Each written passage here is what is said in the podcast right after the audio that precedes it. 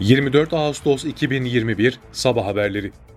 Türkiye'de dün 282.528 COVID-19 testi yapıldı, 18.857 kişinin testi pozitif çıktı.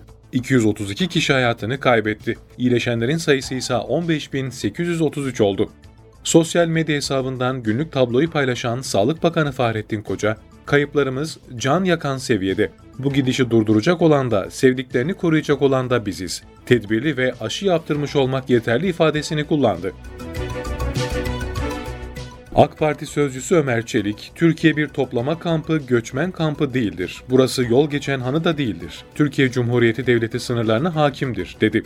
AK Parti Genel Başkan Yardımcısı ve Parti Sözcüsü Ömer Çelik, Parti Genel Merkezi'nde Cumhurbaşkanı ve AK Parti Genel Başkanı Recep Tayyip Erdoğan başkanlığındaki Merkez Karar ve Yönetim Kurulu toplantısı devam ederken basın toplantısı düzenledi. Ömer Çelik, 2021 yılı içerisinde düzensiz göçle mücadele kapsamında Türkiye'nin güney sınırlarından 160 bin, doğu sınırlarından 90 bin düzensiz göçmenin girişinin engellendiğini belirterek şu ana kadar yaklaşık 450 bin Suriyelinin kendi rızalarıyla Suriye topraklarında oluşturulan güvenli bölgelere döndüğünü, Afganistan'a geri gönderilen kişi sayısının ise 235 bine ulaştığını aktardı. İngiliz basını İngiliz Savunma Bakanı Ben Wallace'a atfen İngiltere'nin Türkiye'de Afgan mülteciler için kamp oluşturulacağı yönündeki haberlerini düzelterek özür diledi. BBC Türkçe'den yapılan açıklamada dün yayınladıkları haberde bir atıf hatası yaptığı belirtilerek hem haberde hem de başlıkta Wallace'tan atfen hükümetin Afgan mülteciler için Türkiye ve Pakistan'da işlem merkezleri kurulmasını değerlendirdiği ifadelerine yer verdiği hatırlatıldı. Açıklamada bunun aslında İngiltere Savunma Bakanlığı'na ait ifadeler olmadığını, İngiltere Savunma Bakanlığı'na atfen Türkiye ve Pakistan'ın da düşünüldüğüne ilişkin bir niyetin beyanı olarak The Guardian ve Mail of the Sunday gazetelerinde yer almış bilgi olduğunu, haberde ise sehven bakana atfen aktarıldığını belirtiriz denildi. Bu sorunun bir atıf hatasından kaynaklandığı kaydedilen açıklamada bu nedenle okuyucularımızdan, izleyicilerimizden özür dileriz ifadesine yer verildi.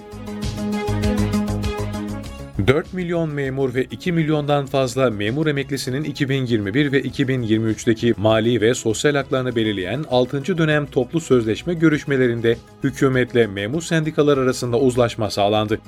Dönem toplu sözleşme görüşmelerinde sağlanan anlaşmaya göre memur ve memur emeklilerinin maaşlarına 2022'nin ilk 6 ayında %5, ikinci 6 ayında %7, 2023'ün ilk 6 ayında %8, ikinci 6 ayı %6 ve enflasyon farklarından oluşan zam yapıldı. İçişleri Bakanlığı koordinesinde Emniyet Genel Müdürlüğü ve Jandarma Genel Komutanlığı tarafından yürütülen ikna çalışmaları sonucu terör örgütü PKK'dan kaçan bir örgüt mensubu daha güvenlik güçlerine teslim oldu.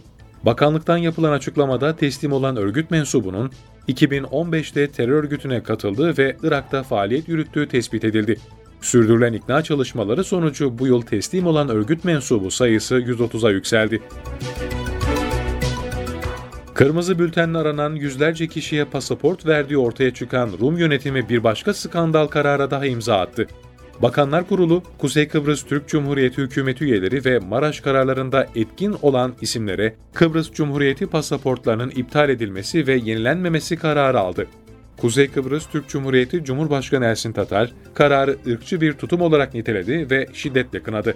Başbakan Ersan Saner de girişimin düşmanca bir adım olduğunu ve konuyu değerlendireceklerini söyledi. UNICEF, iç savaşın 7. yılına girdiği Yemen'de her 10 dakikada bir çocuğun yetersiz beslenme ve aşıyla önlenebilecek hastalıklar yüzünden hayatını kaybettiğini açıkladı. Sadece bu yıl özellikle Hudeybe ve Marib çevresinde devam eden çatışmalarda 1.6 milyon çocuğun yerinden edildiği belirtildi. Ülkede 7. yılına giren çatışmalarda binlerce kişi hayatını kaybetti. Birleşmiş Milletler'e göre dünyanın en büyük insani krizlerinden birinin yaşandığı Yemen'de nüfusun %80'i insani yardıma ve korumaya muhtaç durumda.